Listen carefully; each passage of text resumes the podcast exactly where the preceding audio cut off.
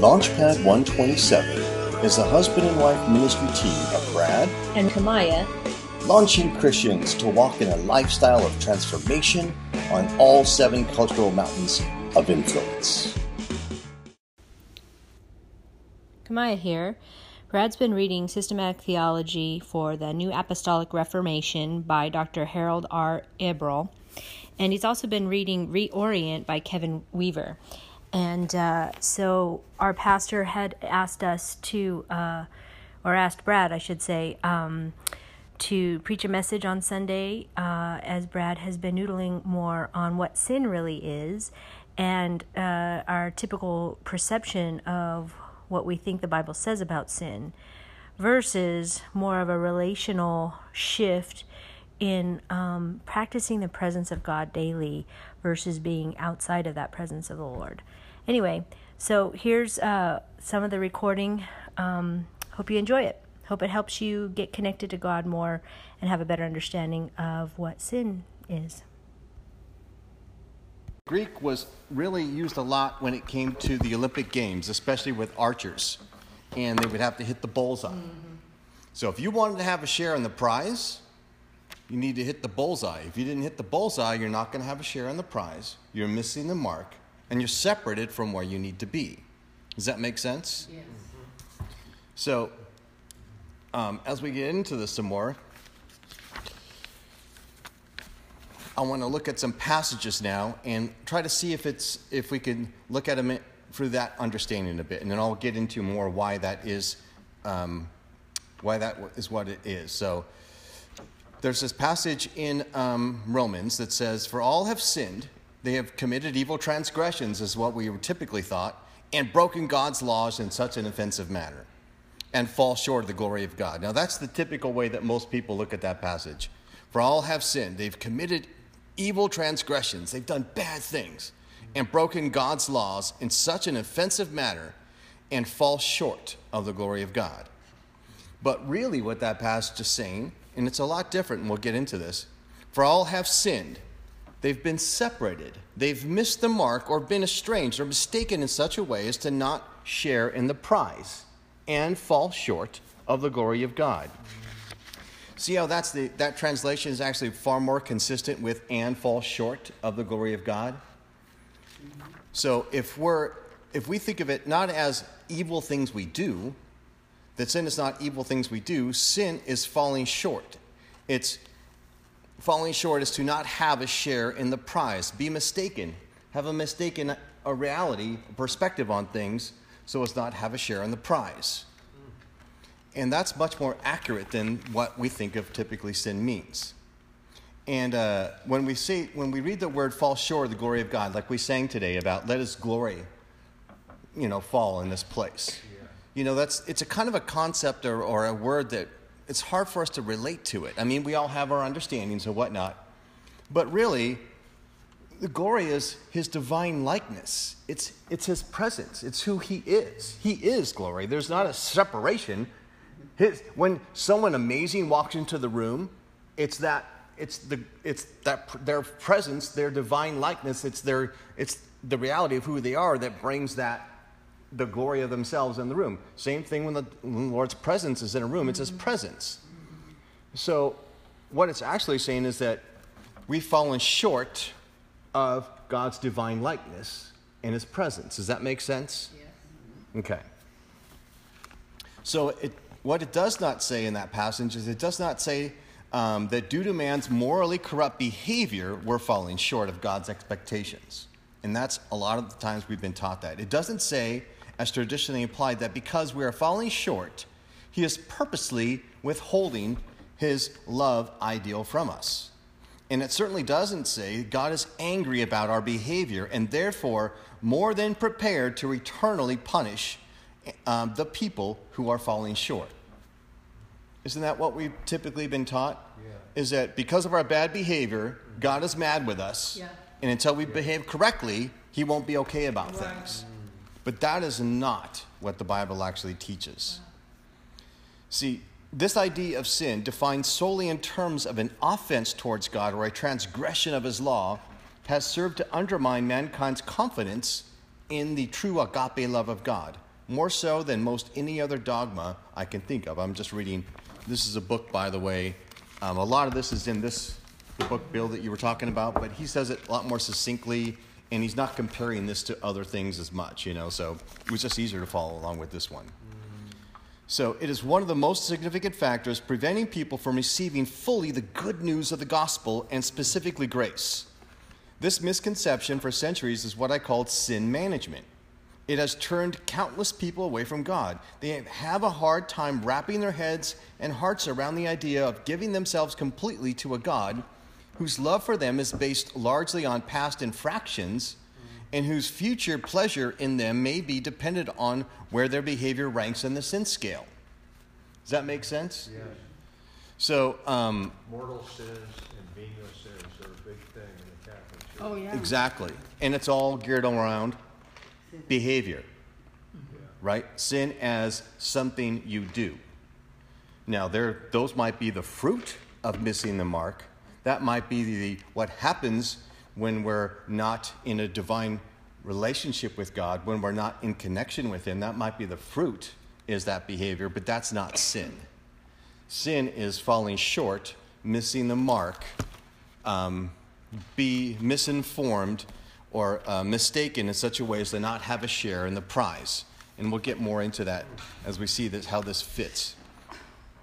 So, um, and I think one of the things that it's not about stopping bad behavior. See, we always focus on if we could just stop doing bad things, then God would be happy. And that's what we're taught a lot. We might not think that actively in our head, but sometimes in our hearts, that's how we feel. We do something bad, oh my goodness, is God even going to hear me pray today because I did something bad? Or I didn't do enough good things. Is God going to hear me pray today? But God's, it's not about that. It's about that when we have a true connection with the Lord, if we focus on staying connected to God and being in His presence, that now we are capable of being because of what Jesus did, then as a result of being in His presence, why would we want to act badly? Why would we do those things? Do you see the difference? And so when we act badly, suddenly we separate ourselves from God and we don't feel comfortable being with Him, and that causes us to feel shame, and then we do more stuff that's right. off the mark. But when we understand that, hey, we were created to be in His likeness, we were created to be just like Him, and Jesus made it possible to be restored in that way, in that right relationship with Him. In fact, I just want to quickly look at um, Genesis and take a look again at what happened in the fall. I think this was, this was super interesting to me as I started to see these things. Remember when God made man and woman, and He says, the Bible says in Genesis 1 that He made them in His image? Man and woman, male and female, He made them.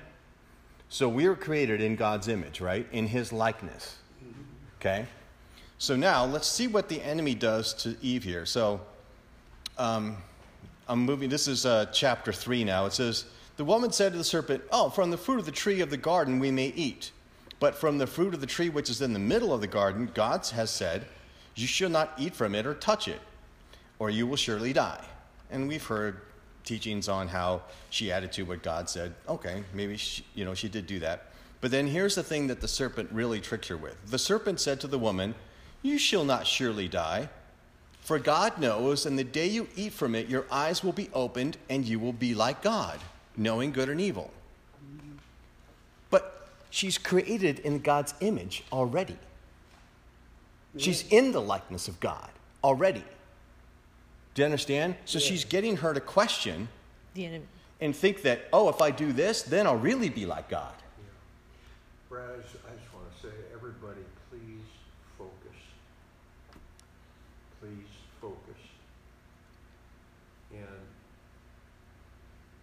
God is, is trying to sow something in.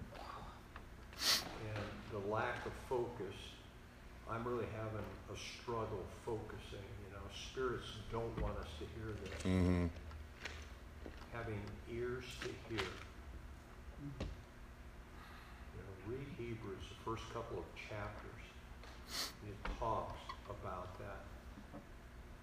We need this so much in, in our lives. I mean, I am fighting to keep up with this. It's that important. Yes. And I want to thank everybody for God sowing things into us here at Angel Fire that are going to sustain us the rest of our lives.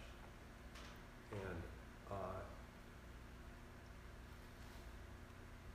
Barbara and I are, are out four, sometimes five nights a week. You guys don't even know where we are.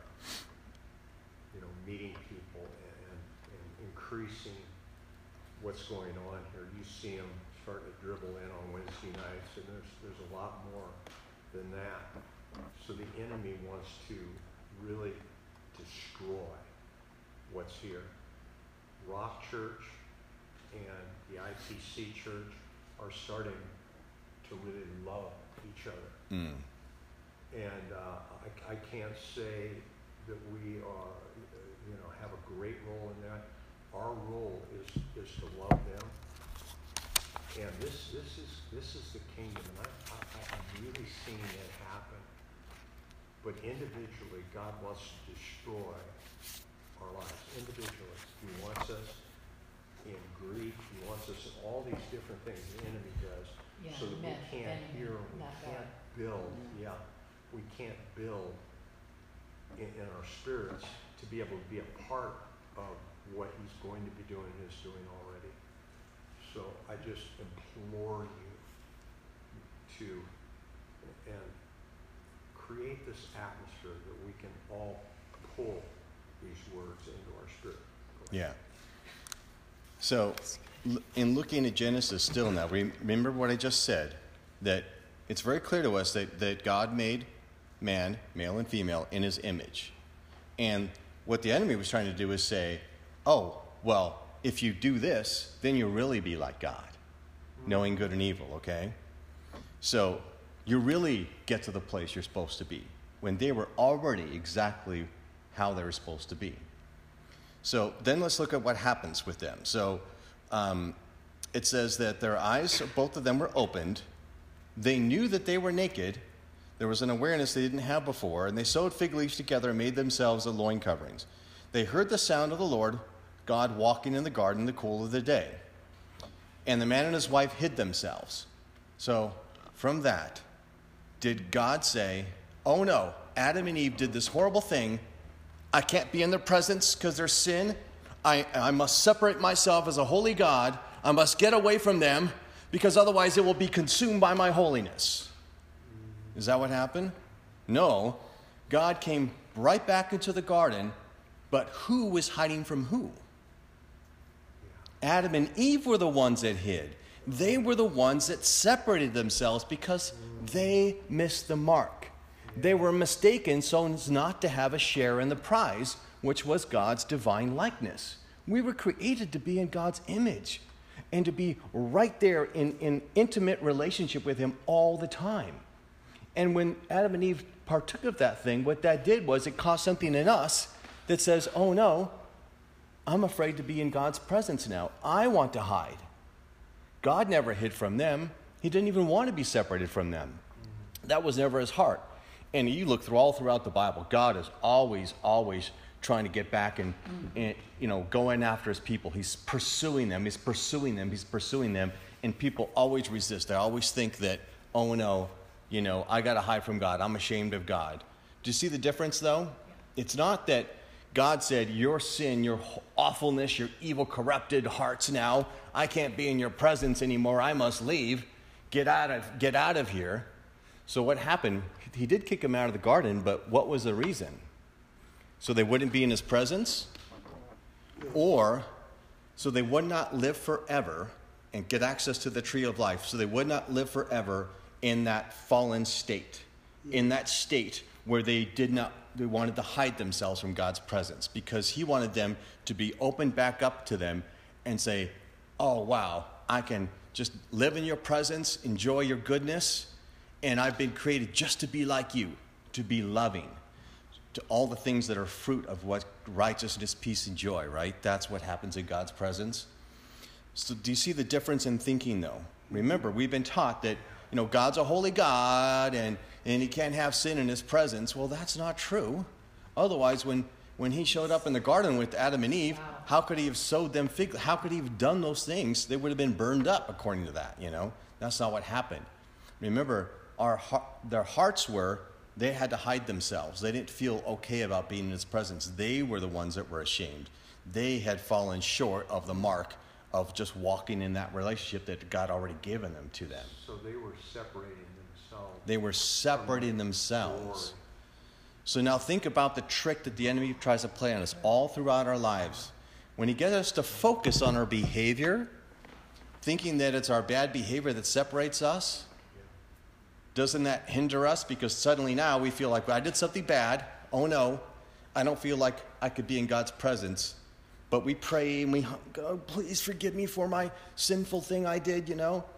But it's not about that. It's just about the fact that we're already able to come into his presence because what Jesus did, and instead of focusing on behavior, we just focus on, man, God gave us back that divine likeness. He gave us back the ability to walk in right in, in, in his goodness, in his loving kindness, in, in immediate communication with him. You know, when you're in a relationship with somebody and everything's flowing just right, you know, and there's no, you don't feel estranged from them. Yeah. But the minute you feel like you do something, it messes things up. But there's not the doing of it, it was the thinking behind what, what happened. It's that selfish thought, like, oh, I think I need to do this, and that hurt that other person's feeling, and you do it. That's what really estranged you. It started with that thinking of not trusting them, whatever it was, you know, that got you to do that act. So I just want to focus on the fact that. And that's what you project then to people. Mm-hmm. If you want to project Christ, you've got to project this. The sense of you're totally freed up. Your daddy is has no problem with you whatsoever. No matter what you do, no matter what you, you can never do anything once you walk with Jesus and and you received his salvation. Remember, the word saved doesn't mean that people always use that word saved like we're saved from our sins. We, we have an escape plan, we escape the sin. But save really means wholeness, health. It, he put us back into a, our, a whole, he made us a new creature. He put us back to the way we're supposed to be in our divine likeness now. We're, we're back to his divine likeness, how we were intended to be, because we have Christ in us, and we have that nothing hindering us from being in his presence now. Not, not that he was ever hindered from us. We were hindered from really walking in freedom with him. That's what salvation means. Brad, that when we first meet the Lord, before this reformed theology and all this garbage, this sin conscious thing gets on us, we are the greatest evangelists in the world. I don't know about anybody else here, but uh, before the reformed theology started to get into me, mm-hmm. and I was just saved, I went on, Barb and I both, for several years until we came under that crushing discipleship movement and the crushing reformed theology. Right. And all of a sudden, shut down. Mm-hmm. yeah, I'm gonna, I'm gonna read this guy's experience here. It really sorry, helps point it out. good. No, You're no, gonna- yeah. You're going to bring it next Sunday and as many Sundays as possible. So he goes like this. He goes, um, the traditional ideas around sin seem logical to me when I first began opening up to the idea of God. After all, I was far from perfect in terms of past behaviors, so I wasn't surprised when my shortcomings were eventually labeled as sin by some well meaning Christian friends who reinforced my gut feelings that God probably wasn't all that pleased with my performance either. Oddly enough, I remember being relieved when someone finally shared the traditional notion that there was nothing good in me anyway because I was born sinful, as I understood it, their version of the gospel made a way for me to be forgiven in spite of my sinful self, it seemed to soothe my conscience and gave me hope that God might cut me some slack, given that I was born that way after all. Certainly, it made the idea of getting saved so Jesus could take away the guilt from my inherently sinful condition sound like a no brainer. In getting rid of my sin problem was the only sure way to gain God's approval and to get back into his good graces. I was in. I remember thinking that going to heaven things seemed like a bonus compared to getting a clean slate on the sin scoreboard. I imagined God that God had been keeping. He's imagining God keeping a score, like this many sins, this many good mm-hmm. things, you know, and that's how he was saying he used to think. Sadly, the initial beliefs I held about what sin was in my, my sin condition, how God felt about sin, and the threat of punishment for not dealing with it became a serious problem later in my relationship with God. Subtly, these views began to take a substantial toll on the very relationship with God that I thought I gained by being forgiven of sin. As, as light as it seemed at the time, the singular notion of getting forgiven of sin as a primary basis uh, for starting a relationship with God became a heavy burden and hindered my ability to connect with Him. Why? Because I primarily thought of sin as bad behavior. And then the harder I tried to manage my sin, the more I became aware of it. The more I became aware of it, the more my inward thoughts reinforced that God had no reason to be pleased with me again. For that matter, He didn't have any reason to even desire a relationship with me. So, even when I did well managing behaviors, I was reminded that even thinking a thing considered to be sin was the same as same to God as actually doing it. You know how Jesus said, if you think on a woman as lust? So that's what he's referring to. So putting down my sinful thoughts became an endless game, a mental whack a mole. Most of the time, I simply concluded I was losing. Um, I was losing, and that anything that fell short of love's ideal was likely God's punishment for my inferior performance. So something that happened to him that was, you know, not God's goodness. He's like, oh, I deserve that because I messed up. You know, that's how he was thinking. So he says, um, I, uh, as I considered the same option at one point, meaning that this is not a fun God that I want to be in a relationship with, a God that punishes me for the bad things I do when I can never stop doing them, as he's thinking. He's like, this is a hard, this is a hard God to have a relationship with. So he says, from that viewpoint, while um, grappling intellectually with the same basic premise, the thought that God forgave my past sins was now and was now pleased with me and willing to pardon me from any punishment I deserved was initially very freeing, but the fear of repeating my sins and disappointing God all over again was equally a dreadful thought. Until I discovered the origins of the meaning of sin and began reorienting himself to the true meaning of the word, that my heart had been more fully alive and confident in the nature of my relationship with God. So when he kind of understood that sin wasn't this bad behavior, that sin was missing the mark and falling short, you know, as to not be aware and, and, and not. I got to read this thing again. I, I am. I know. You don't need to memorize the detail of it. It's more about being estranged or mistaken as a way to not have a share in the prize, and the prize is his divine nature. Brad, just don't be afraid to keep bringing it back around. Yeah. You know, I, I'm serious. There's there's a lot in here, so we might have to go over. I am still. I've read this several times, and it, but it's it's so good, but it's so like different to how I was taught. Even though we've been through a lot of things like this, it's been it's been really hard. So um, to get it stuck in my head. So it's clear that one of the greatest weapons the enemy uses to keep people from rising to their divine likeness, because that's what God's given us back is His divine likeness, so we can be Christ on the earth, right? Is um, is an ongoing sense of shame that produces condemnation taken from these traditional perceptions of how God views sin. Um, and he goes on to share a story about his daughter. So his daughter, and they're going to talk about. Um, well, let me just share the story. So now he's he's coming from the, you know, this perspective of, I've been born in sin. So I'm sinful, and there's nothing I can do about it because that sinful I have the sinful nature that I was born with, right? And we're going to get to this whole concept of original sin. Remember, we're already talking about the fact that sin isn't isn't like an act that we do, but sin is to be separated, to miss the mark, or to be estranged um, and mistaken in such a way as to not have a share in the prize. It's that it's that part of us that feels like we can't be in community with God. We can't be in communion with Him. And it's that very belief that we don't deserve to be in His presence, like Adam and Eve did in the garden, they hid themselves because they were afraid. They had no reason to be afraid, but they were afraid. So because they didn't they didn't trust that God would be loving towards them, even though He was. Okay. And God did not separate himself from them. They the ones that separated themselves. So it's this it's this thinking that um, sin is that thought process that we don't have a real connection with God, that He can't connect with us. Think of it that way. You can be going, you can be going to church but Yep. have this stuck in your head and little voices, you're a hypocrite, you're a hypocrite, you're this, you're that, going on. So pretty soon you're not manifesting Christ at all.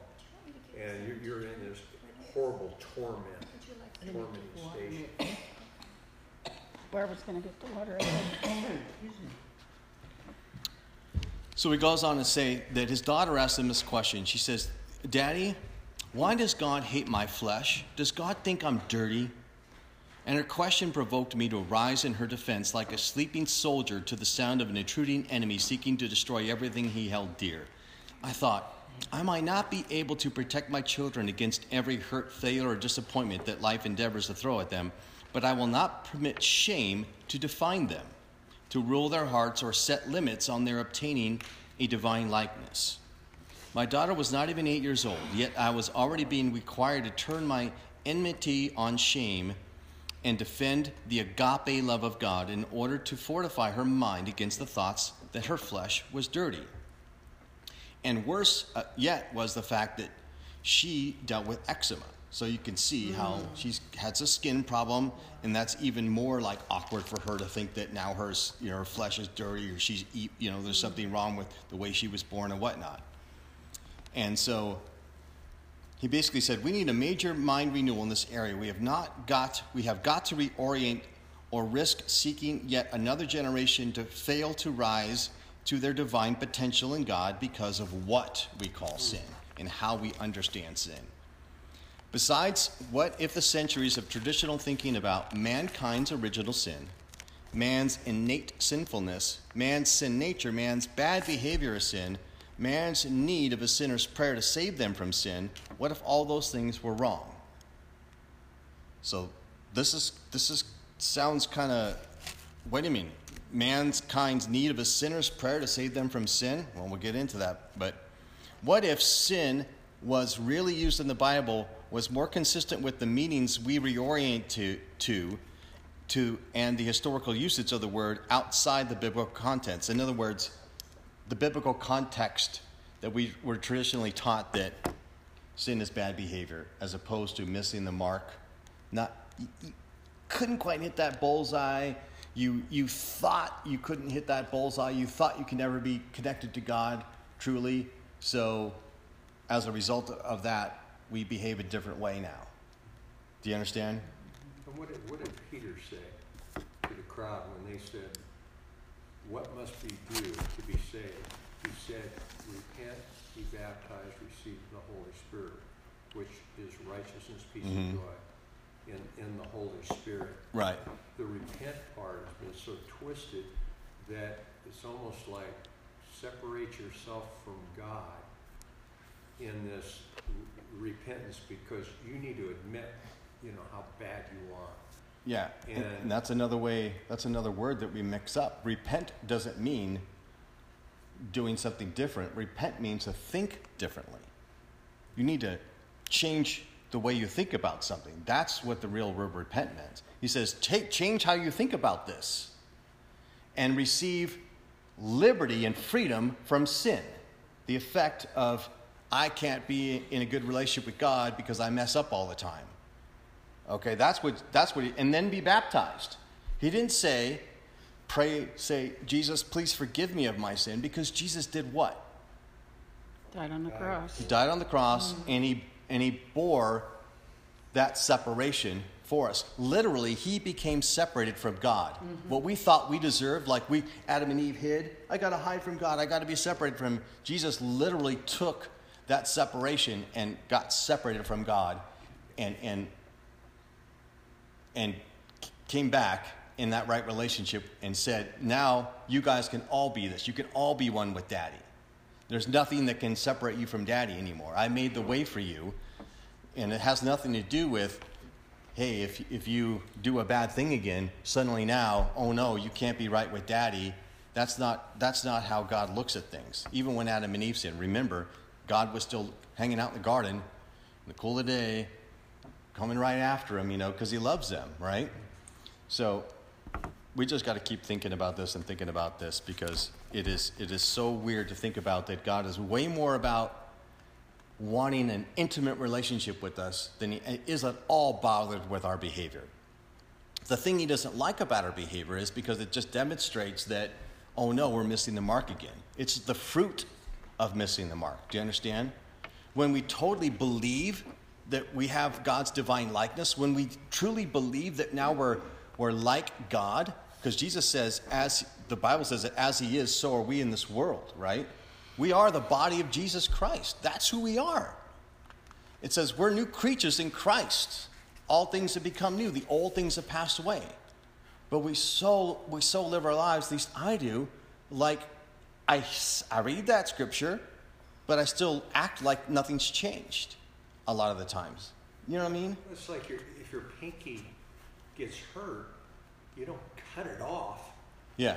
You, you know, allow the body to heal it. In worse circumstances, uh, you might you might lose it, but you don't just do that. Separate it from the body.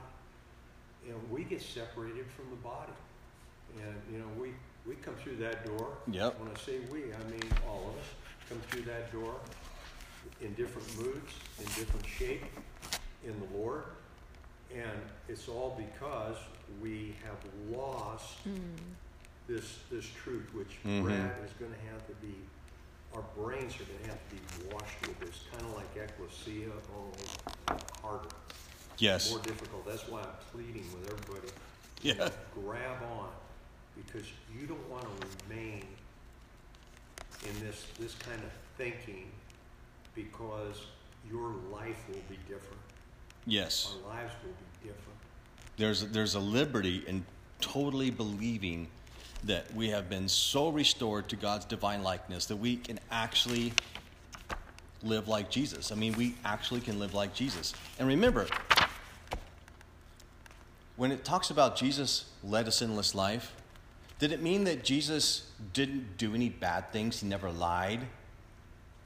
Or was it the fact that Jesus was lived in a constant state of not being separated from the Father?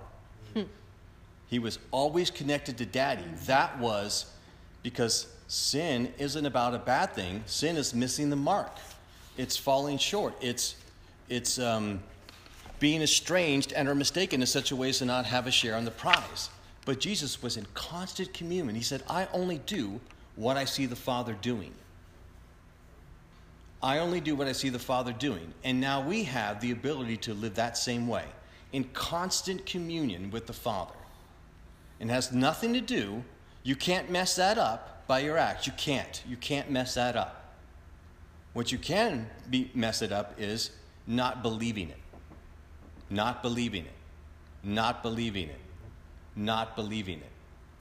I'm saying that over and over again because I'm trying to convince myself Not, not believing what? not believing that we can be in constant communion with the Father like Jesus was Oh, okay. and do only what he saw the Father doing. You know, I, I bump into that within myself all the time.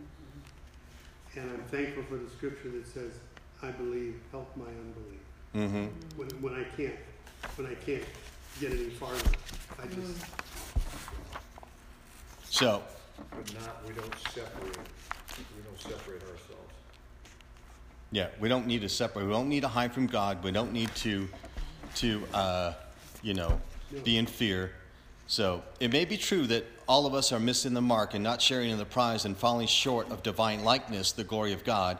But God is more interested in restoring that original glory to his children that, were, that we were destined for then finding ways to punish our shortcomings. God is full on wanting us to walk in that original glory that we were designed in. That's what he's all about. He's all about restoring us back to his presence so that we can enjoy him.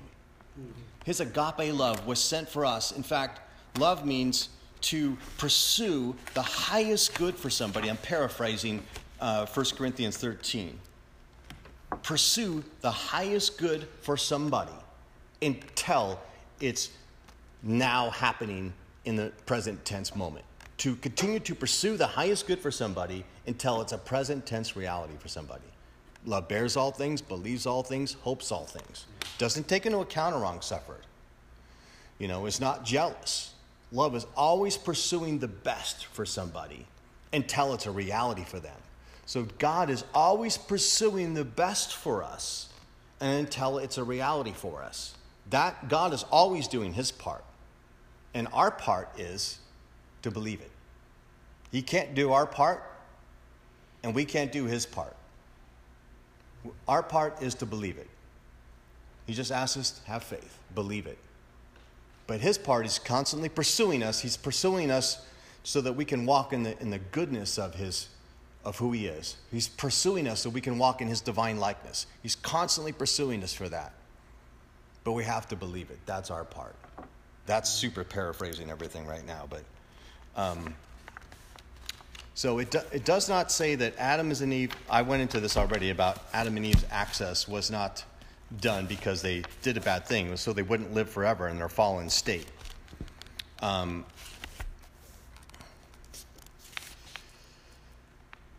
there's, I got just one minute. I- I yeah, keep going. I'm going to see I what. hate to keep breaking in. No, please. Empathetic defilement. Empathetic defilement.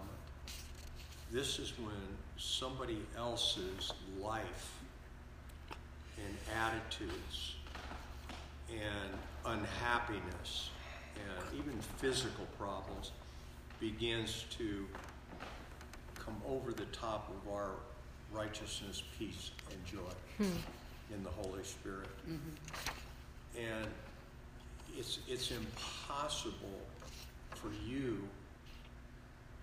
to take the sins of other people and the shortcomings of other people and become subservient to that person and start to take on the punishment that that person is going through because they don't have this truth in their life.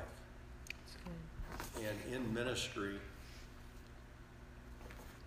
Barbara and I had to learn about empathetic defilement because you're engaged with people and you're trying not only to lift yourself and stay in that right relationship, but you're trying with those that are around you.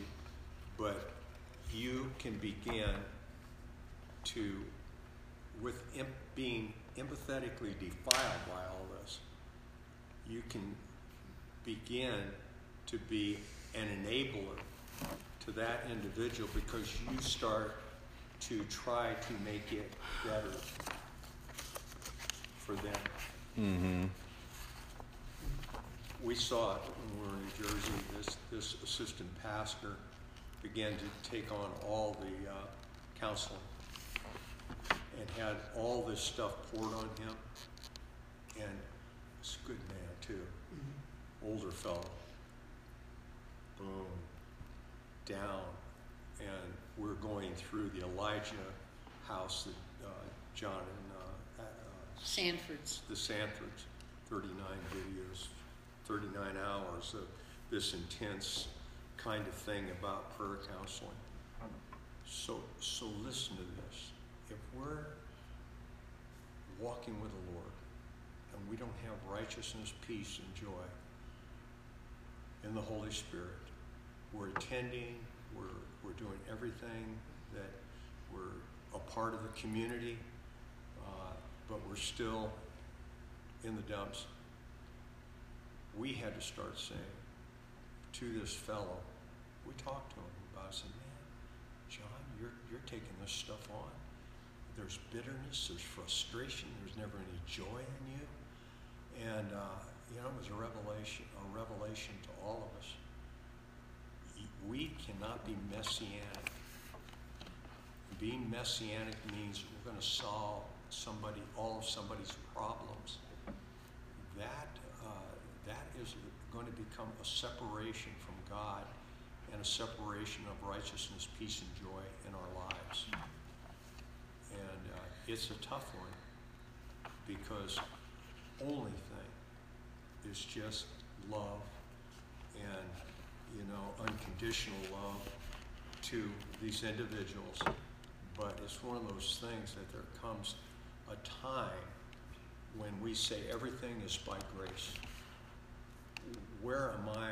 Where am I missing it? If I'm lined up, and this other thing is, is doing this, well, you're missing it right there. And that's pretty much the, the point that we had to get across to this fellow. You are enabling these people, and he, became very defensive about it. You know, I, the guy started hating me because I sat in on some of the counseling stuff, and, uh, you know, I just, you know, was warding this thing off, off of me.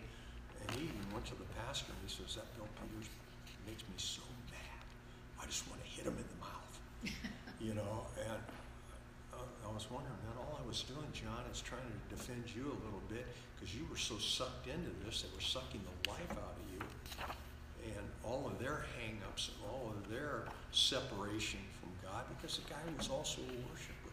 He mm-hmm. would dance and he would worship and that was being sucked away from him. Pretty soon, he was having to close his eyes because he didn't he didn't want to look at the pastor when the pastor was preaching because the pastor was preaching an uplifting message. He wasn't perfect like any of us, but it was an uplifting uplifting message. And John was being drugged down by this other thing. And it was because he had become messianic. He had tried to replace in that person's life God and God's dealings Yeah. with that person. I'm sorry, Brad. That's okay. I- I'm going to read these last couple pages and then I want to then I want to come back next week and, and reiterate this again and look at It's really good. Yeah. we can't cover it in just a little bit of time, but look at the concept of original sin and, and why it's so much different and not even close to being what we've been told in terms of being born into sin kind of thing. So Plan that's on too much to do right plan now. on several But weeks. yeah, but I wanted to I want to just read this last little bit here. Can I just ask a clarification on what you just said, Bill? Would, would you say that it would be fair to summarize? We have to do whatever we can to walk in Daddy's love, in the definition of love long suffering, patient, kindness, not taking into account a wrong suffered, righteousness, peace, and joy. We can only do that ourselves and self govern that way. But would you say that what you were mentioning was love and honor people to walk in the freedom of their own relationship with the Lord. Let them manage their stuff. Yes. Mm-hmm. We can't manage that for them. If they want to walk in offense or grumpiness or whatever behavior choices, Yes. that's the boundary we can set is I'm walking in the freedom that I have in my relationship with the Lord. You can walk in whatever you're you're nurturing in your relationship with the Lord. Exactly, Clyde. I- I- it's, it's this way. It's, Jesus said, I only do what the Father is showing me to do. So you're doing that, but this other entity, we're not allowing that person the lessons or whatever they need to do in their own lives what the Father wants. So we're in this enabling capacity. Right. Right. And uh, it, it comes back very simply that we are not God. That person has got to come into reality. And in coming into that reality, lining up, and sometimes that person is not willing to line up with mm-hmm. what God really has in their lives, and that, that's, that's, that's called the human nature Yeah. the rebellious nature. But we are never to come between what God wants for the, this individual and what this individual wants for themselves and start feeding that. That's not protecting the individual whatsoever. And for, for John, the counselor, it drove him out of there eventually. He, he would have been so valuable. He could help keep, keep that situation together. And it didn't, it didn't happen that, that way. The situation drove him, drove him out. He had to close his eyes, almost, almost doing this because of the upbeat messages that were coming from the platform. Wow. But Let- you see that all the time. Let's Um, um You have, hey go ahead. I'm sorry, let's just finish these last two pages. If you guys want to chat on that stuff, that's great, but um I understand what you're saying there, Bill, but let's just focus back in. We got so much of this, and I just want to leave these last couple pages. So, why, if Jesus took away the sin of the world, is the goal of the majority of religious activities sin management? Why did the goal of getting saved become eliminating sin? Why, if Jesus took away the sin of the world, does the world, especially those who are born again, still labor under the weight and burden of sin? Why do people, even Christians, still identify themselves by their inherent, by their innate sinfulness? Why do Christians feel like they never hit the mark? Why don't they sense God's good pleasure with them and still view themselves as a, but why do they still see themselves as a sinner saved by grace? Is it because the misapplication of the word sin? Could it be that what Jesus took away was not all the bad behavior, but rather the barriers that separated us and continue to make us err and come up short and short again? Could it be that the life Jesus lived and the way he lived it, Jesus was sinless, sinless in the sense of never once being separated from God the Father, sinless in that he never allowed anything, even his thoughts, to exalt itself above the knowledge of his Father's love for him. Jesus was sinless, sinless in the sense of never once being separated from God the Father, sinless in that he never allowed anything, even his thoughts, to exalt itself above his knowledge of his Father's love for him. Could it be that because he did what he did and lived the way he did, he made it possible for us to live the way he did and do even greater works than he did? We know the answer is yes. Most assuredly, I say to you, Jesus says, that he who believes, if you have faith in me, the works that I do, he will do also, and greater works than these, because I go, traverse the distance, eliminate, because he goes to eliminate the distance to his Father. Jesus eliminated the distance to his Father so that we can walk in that same connection. And it's only through that connection, when we only do what we see the Father doing, can we do those greater works. We can't do those greater works in and of ourselves. There's no way. So I want to bring us through this one last exercise in a couple more statements, and we can leave that in a positive note. But so um, if we start thinking about how we're redefining sin now, and think about where is God right now, after all we're looking at, what is His proximity to you? Does He seem far or near? Can you even imagine Him? If you're like most people, you'll say something like, Oh, He's with me, or He's in me, or He's everywhere. If that's you, it, that's as it should be. That's a biblically accurate description of a New Testament relationship with God. That's the whole goal and why Jesus called is called Emmanuel, which means God with us. Now that understanding is foremost in your mind, think about Jesus with you. He's in you, he's with you, and he's everywhere around us. So think about that right now. Now think about your biggest need or your biggest desire. Think about asking God for a miracle. Now ask yourself the same question as before Where is God now?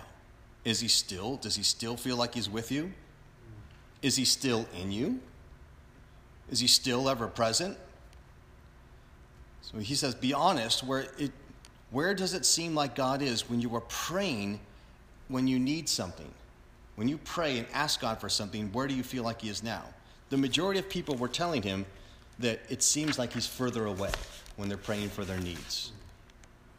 But the Bible says he's omnipresent, he's everywhere. But our perception of our relationship and proximity to him changes based on our circumstances. Yeah. Our perception changes. He doesn't change, but our perception can change. I'm not saying that's true for everyone in here. I'm just saying I know for me sometimes um, it could change like that. For most of us, when a need arises, we can relate to God as a distant, somewhat unconcerned entity.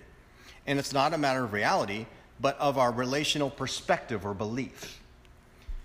Think about it. Imagine what it looks like from God's perspective. When He looks upon us and our hearts are separated from Him because our, we're perceived to be separated from Him, He calls that relational distance. He calls that, that separation from Him, that relational distance that we think now He's further away from us than He really is. That's sin.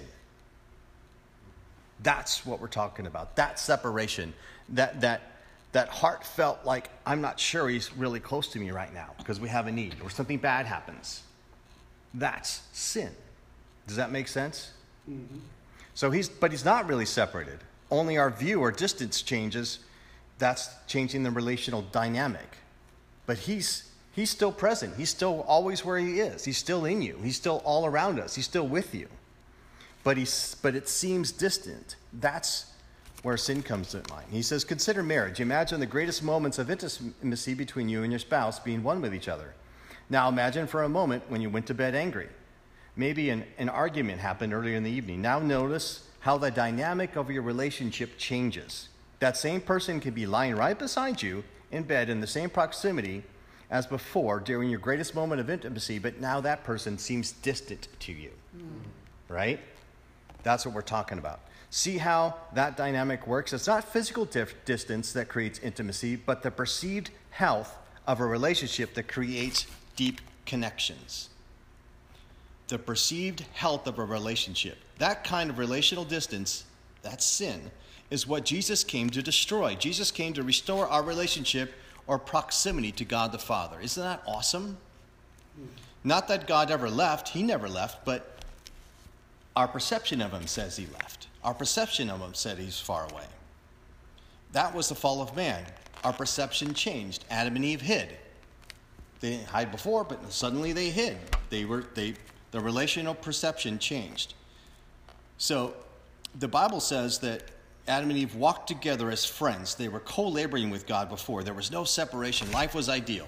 And after the fall, Adam and Eve hid themselves that shame, feeling a sense of condemnation for their performance when compared to his instructions, which they knew to be ideal. But God showed up the next morning in the same way. He already knew that Adam and Eve missed the mark in terms of what they, he had laid out for them, which was for their benefit, of course, and not, not God's. Then God asked Adam, Where are you? We know that God wasn't trying to be cute because he knew where he was. Maybe he couldn't see them in that condition, but that's not really true. Or maybe he was asking Adam to describe his own perception of where he was in relationship to God. So, what I find interesting about the story is despite how Adam and Eve missed it, nothing had technically changed about the relationship between Adam and Eve and God, especially in terms of actual distance or separation, or even God's desire to connect with them. Like I said before, God still wanted to connect with them. So, nothing changed except Adam and Eve's perception of their relationship with God. As a result, everything they had done before with ease and freedom and joy now had toil and drudgery attached just because of that relational distance in their perception. But the good news is that it didn't, and it still doesn't have to be that way. Sin is no longer a problem. In the same context of our relationship with a spouse, when things are good, notice how the joy is to serve one another and co labor together and believe in each other. Doing during those times, we just naturally give each other our confidence and we believe that the other is for us and not against us. However, notice that when the dynamic changes in the offense, when there's an offense or an imagined one, even if it's not written, but we feel like there's been an offense, notice how it changes after that argument. Separation is created. The very tasks that were easy to do to serve one another now became like hard labor. Our confidence um, that the other has our best interest at heart becomes impaired our confidence that they have their best interests at heart becomes impaired. Remember, God always has our best interests at heart. We don't always trust that, though. The only way to remove the drudgery and reestablish the joy is to forgive one another and reconcile that relationship to right standing. It's no different with God and his relationship with us. When we are established in a right standing with him, which, by the way, is what the word righteous actually means, means right standing with him, there is more joy, there is more peace, and we are more fully alive. So, everything Jesus came to do was in order to eliminate separation, make us one again with his Father, empower us to be fully alive, to go fully after his pleasure, restore us and our pleasure too. We take, we take pleasure. When we're doing stuff with God, there's joy. In his yeah. presence is what?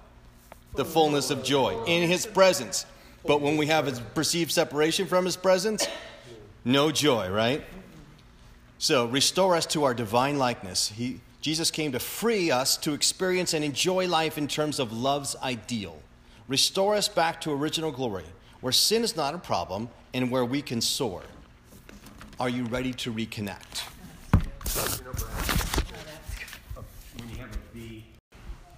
Thank you for listening. Hopefully, that helped shift a little bit of your view on what sin is and what it isn't. And hopefully, that will help you transform uh, your relationship to dive deeper with the Lord.